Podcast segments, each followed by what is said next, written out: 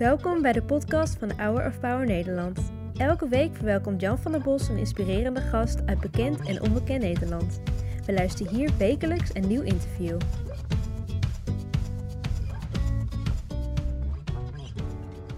Mijn gast, ik heb hem al aangekondigd. Ik ben zeer verheugd dat je er bent. Chris van Dam.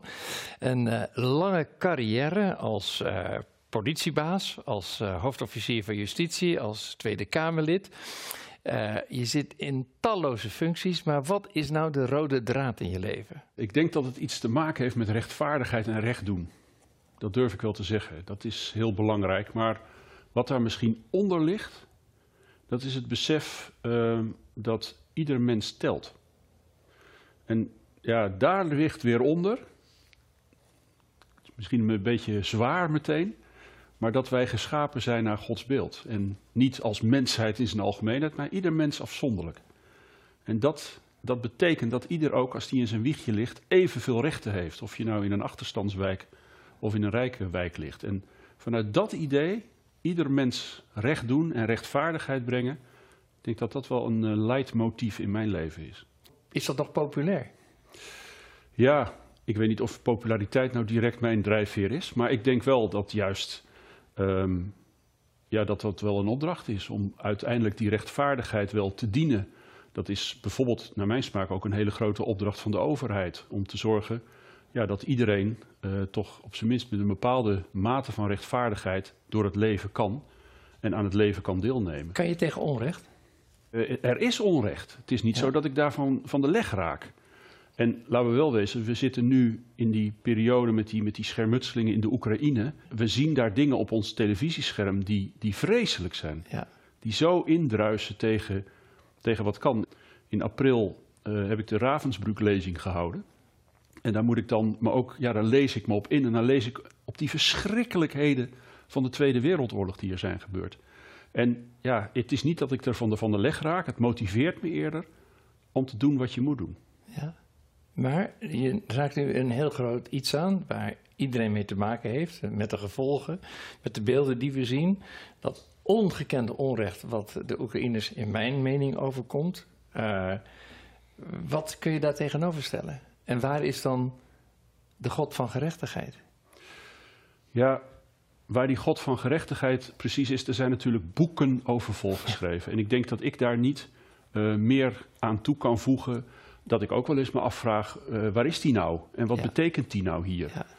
Um, maar tegelijkertijd denk ik dan bij mezelf, ja, dat, dat uh, ontslaat mij niet van de plicht om gewoon te doen wat ik op de kleine millimeter waar ik dan ben, om te doen aan rechtvaardigheid. En soms, bijvoorbeeld met zo'n rapport ongekend onrecht, hè, in die kinderopvangtoeslagaffaire, heb ik bij mogen dragen mijn kleine deeltje aan aan nou, een grotere postzegel. Je, was voorzitter van... Jawel, jawel, maar we deden dat met een commissie van acht ja. mensen, met nog mensen eromheen. He, dan, dan is dat een onderwerp wat groter oogt. Maar je kunt ook iedere dag, kun je, ja, naar de mensen om je heen, kun je ook je bijdrage leveren. Ja. Dus ik denk oprecht dat uh, het feit dat wij toch in een land zijn waar we over het algemeen, ook met allerlei defecten, redelijk vredig met elkaar samenleven, dat dat bijvoorbeeld ook al heel waardevol is in een wereld waar iedereen elkaar de hersens inslaat. Ja. Even terug, uh, want dat is uh, een, een, landmark in jouw leven. Als voorzitter onderzoekscommissie kinderopvangtoeslag. Dat was een verschrikkelijke zaak. Want je hebt ook de mensen ontmoet die slachtoffer waren. Hè? Ik ben destijds aan die, aan die opdracht begonnen. Eigenlijk redelijk, uh, ja, ik, ik zat niet in die, in die wereld. Het was iets wat zich in de commissie Financiën in de Tweede Kamer afspeelde. En ik zat in een hele andere commissie. Uh, en ik heb, uh, ik heb het allemaal gezien. Ik heb inderdaad contacten gehad met die ouders. Die heb ik nu soms ook nog. Uh, maar wat me eigenlijk het meest schokte in die hele kinderopvangtoeslagaffaire, dat had ook iets te maken met de wereld waar ik uitkwam, de wereld van het recht. En dat was namelijk dat de rechter niet de rechtsbescherming bood die we in onze democratische rechtsstaat veronderstellen ja, ja. dat de rechter heeft.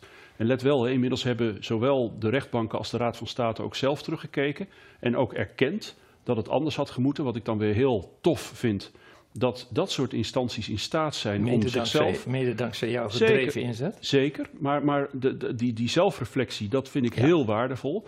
Maar dat, dat vond ik eigenlijk het meest schokkende. Dat je dus denkt, nou uiteindelijk kan ik bij de rechter kan ik mijn recht halen. En dat bleek in deze zaak niet zo te zijn. Dat vond ik erg. Ja. Het is nog steeds erg. Het is nog steeds erg. De, we zijn De met zijn elkaar diep, niet in staat om die ouders op de korte termijn recht te doen. Het bijzondere is dat het niet alleen een financiële kwestie is, maar vooral ook een, eigenlijk een eerherstel Ja. van de mens. Ja. En dan kom je weer op ieder mens stelt. Ja. Eh, het, die mensen zijn jarenlang onterecht eh, gezien als fraudeurs. Niet alleen door de overheid, maar ook door hun omgeving, door hun familie, Ja. Door, door eigenlijk iedereen eromheen. Je hebt het toch aan jezelf te danken dat je in die ellende zit. Ja. En als je daar jarenlang in zit en je, je raakt daardoor je kinderen kwijt of je, je, de, de koelkast is leeg terwijl je je kinderen te eten wil geven, verjaardagsfeestjes worden niet gevierd. Nou, je, en, en, en om, om nog eens een paar dingen te noemen. Ja, dat is wat. Het heeft jou persoonlijk ja, geraakt, dat, hè? dat vond ik heel erg. Ja. Ja.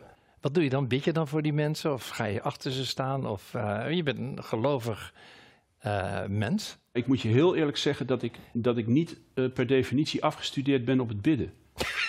Het is lange tijd geweest dat je 's morgens eh, elke morgen bad. S'avonds. S'avonds. Ik ga slapen, ik ben moe, hè, uit, die, uit die wereld kom Ja. ik. Beide en- en-. Er zijn ook absoluut momenten dat. dat ik heb wel eens een keer bij, een- bij een toespraak gezegd dat ik meer een noodbidder ben. Hè? Als, de, als, de, als de, de ellende toeneemt, dan, dan het gebed. Maar ik vind ook dat je moet handelen, dat je moet doen. En dat, eh, dat, dat we ons daarin moeten onderscheiden. Ja, groei je op in een gelovig gezin? Jazeker. Ja. Ik ben in een keurig gereformeerd gezin eh, opgegroeid met, eh, met drie broers. vader, moeder en iedere zondag naar de kerk. ja. Ik ben er nooit mee opgehouden. En tot op de dag van vandaag ga ik iedere zondag, bijna iedere zondag naar de kerk. En ik zou ook niet zonder kunnen. Ik ben betrokken bij een, in Den Haag bij een kerkelijke organisatie, Ja. STEK, Stad en Kerk. ja. En dat is eigenlijk een, eh, wat we noemen een uitvoeringsorganisatie van de diaconie. Dus de diaconie van de protestantse kerk heeft eh, jaren geleden al gezegd... we willen dat echt professioneel doen. Dus daar werken 40 mensen en daar werken ook 900 vrijwilligers in de stad Den Haag. ja. Geweldig, hè? Bijvoorbeeld waar ik enorm eh, mijn hart aan heb verpand, is het werk voor ongedocumenteerden. Dus mensen waarvan we zeggen, ja, die moeten terug naar hun eigen land. Nou, in de hebben praktijk. zelfs eh, maandenlang onderdak gegeven in jullie kerk. Ja. aan in- in- twee, ja. twee beroemde jongelui. Ja, ja, ja, het kinderpardon. Ja. Ja. Nee, zeker. En ehm, dus wat dat betreft doet die kerk daar dingen die de overheid niet doet of niet kan doen. Nee. En dat vind ik een Ja, maar belangrijke de vraag taak. is, moet de overheid dat doen? Ik Nee. vind, eh, van als we, in de tijd waar ik ben opgegroeid, dan was iedereen in de kerk actief. Die had wel iets te doen of kreeg iets te doen. En nu hebben we dat zo langzamerhand, je bent zelfs overheidsdienaar geweest heel lang, hebben we het allemaal aan de overheid overgelaten. De zorg voor zieken, de zorg voor daklozen, de zorg voor je omgeving, de zorg voor je vader en moeder. Ja, nee, ik ben het helemaal met je eens. Ik denk dat, eh, eh, nou ja, dat past ook een beetje bij de politieke richting waar ik uit kom. Hè. Eh, we noemen dat dan het maatschappelijk middenveld. Maar ik denk dat het heel erg van belang is dat burgers ook zelf de gelegenheid hebben om dingen te organiseren en te ordenen. En daar mag de overheid dan aan bijdragen hè, of dat faciliteren. Maar ik vind het eh, ongelooflijk van belang bijvoorbeeld dat er, dat er onderwijs is, christelijk onderwijs, dat in feite ook door ouders zelf bestuurd en georganiseerd wordt. Eh, daar zit een enorme waarde in. Ja.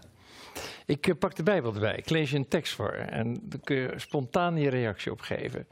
Het- het komt uit Micha. De Heer heeft laten weten wat goed voor je is en wat Hij van je verwacht. Hij wil niet anders dan dat je eerlijk en rechtvaardig bent, dat je je best doet om liefde te bewijzen en dat je als nederig mens leeft met je God. Dus eerlijk, rechtvaardig, liefde bewijzen, nederig leven. Dat is een hele opdracht, hè? Een hele opdracht waar ik ook wel een beetje weerstand bij voel. Nee, toch? Jazeker, bij dat nederige. ja, ik denk namelijk dat bij eerlijk zijn en rechtvaardig zijn ook wel een bepaalde assertiviteit van ons hoort. Dus al te nederig hoef je voor mij niet te zijn. Je mag ook wel in opstand komen, ook tegen die God trouwens. Met hem in discussie gaan. Misschien is dat dan toch weer dat gebed. Ja. En ik heb een tijdje terug een boek gelezen van eh, Oliver Sacks, eh, de grote rabbijn uit, ehm, uit, uit Londen. Hij is overleden inmiddels. Over Exodus. En eh, dat is eigenlijk het verhaal van een volk dat uit de slavernij wordt gehaald. En een generatie lang in de, in de woestijn wordt gezet om weer zelfstandig te worden. Ook dat slavernijdenken, om daarvan af te komen. Dus nederig, ja, natuurlijk, devoot en, en met respect, maar wel zelfbewust en ook zelfbewust van je verantwoordelijkheid die je hebt. We gaan even terug naar de, de jonge Chris van Dam. Eh, Wat was je een broekje, zeg, toen je eh, bij de politie ging? Ja, ja, dat was ik zeker. Ik was 18. Ja. Wat bracht je naar de politie? Ja, ik heb al uh, heel uh, lange tijd tot de middelbare school uh, de, de, behoefte gehad. Ik, ik, fietste iedere zaterdag naar de scouting toe langs die school waar ik naartoe wilde. Maar sowieso, ik ben altijd geïnteresseerd geweest in achter de coulissen van de samenleving kijken. Ja. Snappen hoe dingen werken, hoe dingen gaan. Ik ben ook wel nieuwsgierig, moet ik heel eerlijk zeggen. En dat is natuurlijk iets wat je bij de politie Goeie ook wel in bevredigd wordt. Dus, en, en ik denk dat dat punt van de, dat rechtvaardigheidsgevoel, dus op dat vlak ertoe doen, dat dat er ook al vroeg in zat. Ja. Je maakt carrière bij de politie. Uh, je hebt een, een, aantal takken van sport daar doorlopen. Uh, we komen even terecht bij uh, de ordehandhaving. politie en demonstranten komen tegenover elkaar te staan. De sfeer is grimmig. daar staat Chris. Aan welke kant staat hij? Um, eigenlijk aan geen één kant. Nee, in die tijd en, en, en Mag je ook dat zeggen? ik verwacht dat jij zegt, staat de kant van het recht van de politie. Ja, maar soms komen demonstranten voor zeer rechtvaardige zaken op. Dus uh, ik kan me in die tijd herinneren dat uh, toen ik in de ME zat, dat was de tijd dat in Zuid-Afrika de apartheid ja. nog uh, in hoge mate beleden werd. En dat was iets waar ik het radicaal mee oneens was. Toch heb ik eindeloze uren achter de Zuid-Afrikaanse ambassade doorgebracht. En ook wel opgetreden tegen mensen die daar demonstreerden voor een zaak die ik ook heel goed kon begrijpen. Ja. Maar uh, ik denk wel dat het heel belangrijk is dat we in dit land, waar je je mening mag uiten, dat we toch bepaalde regels handhaven met elkaar. En dat we dat doen binnen bepaalde kaders. Want uh, ja, anders dan wordt het helemaal een puinhoop. Je komt in de Tweede Kamer terecht. Je wordt gevraagd om Tweede Kamerlid te worden voor het CDA. Toen dacht ik, ja, hoort die man wel in de Tweede Kamer? Die is altijd actief, die is altijd op pad, die is altijd onderweg. En dan gaat hij in de bankjes zitten. Nou, ik moet zeggen dat een Kamerlid ook heel actief is met alle werkbezoeken, alle mensen die iets van je willen. Uh, het doorgronden van al die wensen. Is het, is het, wil jij je daar ook aan ja. verbinden? Dus het is een, uh, ik moet zeggen dat het een, een baan is die 24-7 is. En als je niet uitkijkt, je ook helemaal uitwoont. Dus uh, dat, dat is ook een zeer actieve, actieve baan, durf ik wel te zeggen. Ja, voor het, voor het CDA, kijk, dat heeft natuurlijk ook te maken met het nest waar je uitkomt. Hè. Mijn vader die had vroeger in zijn tuin altijd een heel groot bord van lubbers hangen. Ja. Uh, en, en uh, dus wat dat, ik, ik denk als ik in het rode dorp geboren was, dat ik misschien ook wel in een andere traditie terecht was gekomen. Ja. Maar wat mij enorm aanspreekt aan die partij, of in ieder geval aan de christendemocratie, dat is, uh, nou ja, ehm, politiek die toch uit iets voortkomt, uit een levensovertuiging of als een beschouwing op de samenleving die um, ook heel erg in zich heeft dat de overheid niet alles moet regelen, maar dat juist mensen zelf ja. verantwoordelijkheid voor dingen moeten kunnen nemen. Solidariteit met hen die nou ja, minder, in minder gelukkige omstandigheden zitten. En, uh, en vooral ook het willen verbinden. Kijk, dat, dat CDA is een, een, een, samenvat, een samenvoeging alleen al van katholieken en protestanten. Nou, Jan, ik hoef jou niet te vertellen hoe in alle eeuwen in Nederland katholieken en protestanten met elkaar zijn omgegaan. En het feit uh, ja, dat, we, dat we dat weten te verenigen in dit land en ook in zo'n partij. Daar, dat, dat sta, en, en, ook nu nog zijn er in de samenleving ongelooflijk veel tegenstellingen. Mensen die, die niks van elkaar moeten hebben. Dus ik, ik uh, en, uh, nou ja, je hoeft niet echt trots te zijn op het CDA recent wat er allemaal gebeurt. Maar voor mij blijft wel overeind staan dat het een beweging is die mensen wil verbinden en niet van elkaar af wil houden. Ja. Christendemocratisch appel. We gaan naar het appel als ik naar boven kijk. Ja. Uh, welk appel doet God want je zegt, we zijn naar zijn evenbeeld geschapen. Dat was jouw diepere laag, daar begon je mee. Ja. Hoe kijkt God naar deze aarde, naar deze mensen? Dat is een hele moeilijke vraag. Ik, ik, ik, ik ben blij dat ik niet in zijn positie zit. Als je ziet wat er allemaal op deze aarde gebeurt, ja. wat, er, wat er inderdaad aan onrecht is, dan denk ik dat, uh, dat, dat ik, dan begrijp ik heel veel mensen die zeggen, waar is God nou? Waarom grijpt hij niet in ja. en, en, waarom doet hij niet wat hij moet doen? Um, is, hebben we een machteloze God dan? Nee, ik denk dat alleen uh, ja, dat, dat hij ons zou moeten inspireren en ook inspireert ja. dat wij het doen. Ja. En dat, dat wij uh, in zijn geest uh, de dingen doen. En, en, dan noem ik het woord geest. volgende week is Pinksteren. En ik moet je zeggen, ja, die geest, daar ben ik de laatste tijd wel. Um, dat is eigenlijk iets wat, wat ik een, een prachtig iets vind. Want um, daar kan je wat mee. Dat moet je uitleggen. Nou, kijk, dit, dit, die, die geest, dat heeft ook iets met begeistering te maken. Hè? Ik, ik meen met Pinksteren, die mensen die, die, die spraken elkaar taal niet. Maar uh, ja, en eigenlijk is dat het, het, feest dat God, Jezus, terug is naar de hemel en dat we het zelf moeten doen met elkaar. Ja. En op het moment dat wij uh, begeisterd raken, dat we enthousiast raken, dat we, dat we met elkaar wat willen doen, dan verstaan we zelfs mekaars taal, dan valt dat weg. Ja. En dan kunnen we met elkaar een klus aan en dingen doen. En uh, ja, dat is, dat is toch denk ik uh, heel belangrijk. Dat je ook niet elkaars verschil ziet, maar kijkt waar kunnen we nou met elkaar enthousiasme ontwikkelen. En dan boven onszelf uit dingen voor elkaar krijgen. Ja, dat wil je nu doen. Je hebt nu een eigen bedrijf, dat heet Recht te doen. Ja. Ik heb de indrukwekkende opsomming gelezen wat je allemaal wil bereiken in deze samenleving. Wat zou jouw slotwoord zijn in dit programma? Dan zou ik toch mensen willen oproepen om positief te blijven, om zich uh, in het contact met de ander te bewegen en daar ook die geest op te doen. Dus de geestdrift om samen, ondanks al die ellende in de wereld, um, om met elkaar wat te doen. Je ziet de ellende in Oekraïne, maar als je met elkaar kleren inzamelt, dan gaat er toch iets ontstaan waar 1 en 1 3 wordt. En volgens mij is dat ja, wat die grote baas daarboven misschien ook wel van ons wil. Ik wil je hartelijk danken, Chris, voor een gepassioneerde bijdrage. Je herkent ongetwijfeld de afbeelding. Ja, Rembrandt. Ja, nou, dankjewel dat uh, jij ook een van die mensen bent die uh, handen legt op anderen. Om ze zo te bemoedigen en te zeggen, wat dan ook en wie dan ook, je bent geliefd. Dankjewel, Jan. Deze week. We hopen dat dit verhaal jou heeft bemoedigd. Wil je meer weten over Hour of Power of andere interviews bekijken? Ga dan naar www.hourofpower.nl